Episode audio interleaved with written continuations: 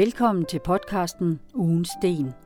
En gang om ugen igennem et år kaster vi en lille sten ind i dit liv med en god historie fortalt af den samme mand. Det er mig, Sten Vedel. Sten Vedel har været i Søværnet, solgt møbler i England, været salgschef på den kongelige porcelænsfabrik, og i dag er han ejendomsmaler. Velkommen til mit univers af livshistorier. Ugens Sten er en lille historie på 5-20 minutter fra Stens liv. Forbered til det værste. Skal vi komme i gang? Jeg er klar. Denne uge skal I igen med til Tisvilde til sommerhuset, hvor Sten kom meget i 1930'erne og 1940'erne. Der kan jo siges meget mere om Tisvilde. Og vi, jeg vil nævne, at det var jo også et samfund, som ikke findes mere, med at der kørte øh, folk rundt med varer. Der kom en bager hver dag, der kom en fiskemand på gang om ugen, der kom en slagter en gang om ugen, øh, der kom en ostehandler en gang om ugen, og øh, der kom også en grønhandler, og der kom en mælkemand. Det kørte alt sammen med varer ud til disse beboere i Tisvilde. De forsvandt jo ganske langsomt. Ja, først var det mælkemanden, så må man gå op til mejeriet, og så var det grønhandleren, så må man gå til grønhandleren. Og den sidste, der forsvandt, det var vist bageren, tror jeg. Men øh, der var også en udmærket bager i Tisvilde. Den hed Spiegelhauer, og det var et fortræffeligt sted. Um, vi fik mange gæster deroppe, og der kom jo også uh, et besøg af Tante Marie en dag.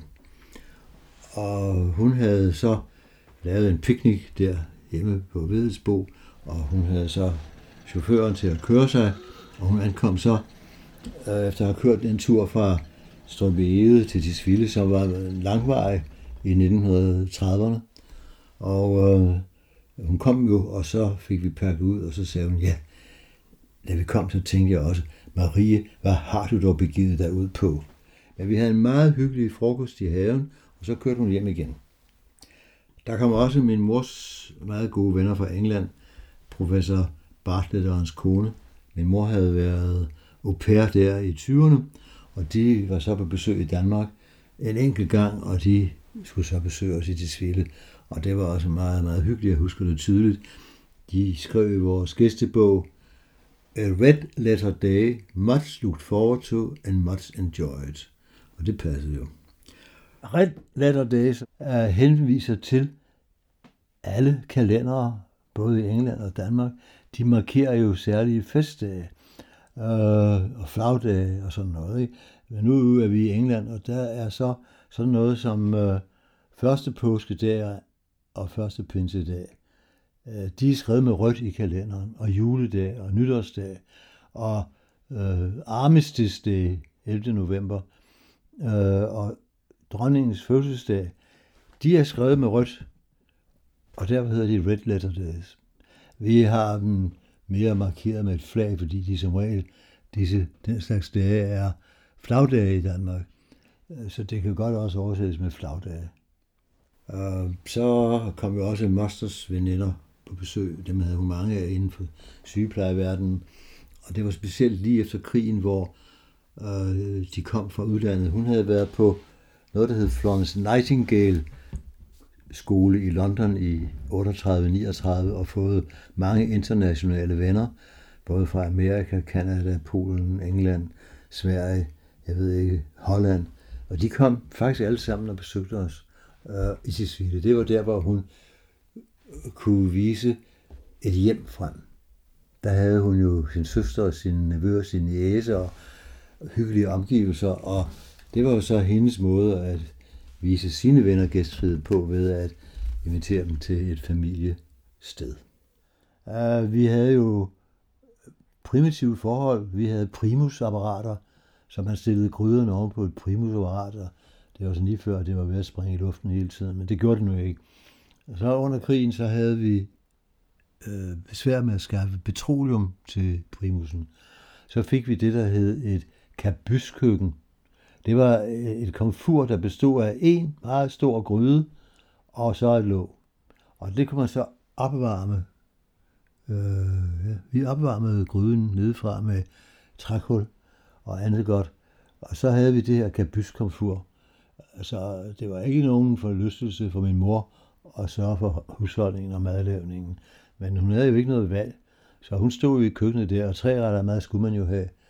Men jeg har jo aldrig savnet noget, og selvom noget af det var lidt kedeligt, specielt de her unævnlige supper, vi fik, sagosuppe og byggrynsuppe og jeg ved ikke hvad, så var kosten ganske udmærket.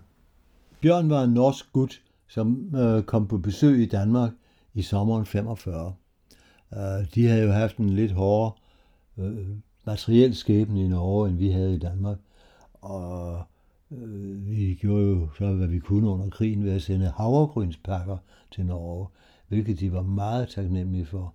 Og da vi kom til Norge, min mor og min søster og jeg i 46, så blev vi jo helt velkomne som dem, der havde været med til at hjælpe dem under krigen med havregrynspakker. Men allerede i 45 kom der nogle norske børn til Danmark øh, for at få lidt sug på kroppen, og der kom også en, en tynd fyr, der hed Bjørn, han var på min alder, og vi var så sammen i øh, Tisvilde den sommer, og jeg havde også min danske ven fra Metropolitanskolen, øh, John Kessner med, og vi tre, vi øh, får jo bare rundt i omegnen og hyggede os. Og øh, vi havde en særlig oplevelse i 1945. Øh, der havde englænderne smidt en masse tysk ammunition i Kattegat. Og det skulle være sunket til bunds, men det gjorde det jo ikke alt sammen. Så der drev jo interessante ting op. Store kasser med krudt i poser og sprængblyanter og sådan, altså tændsatser.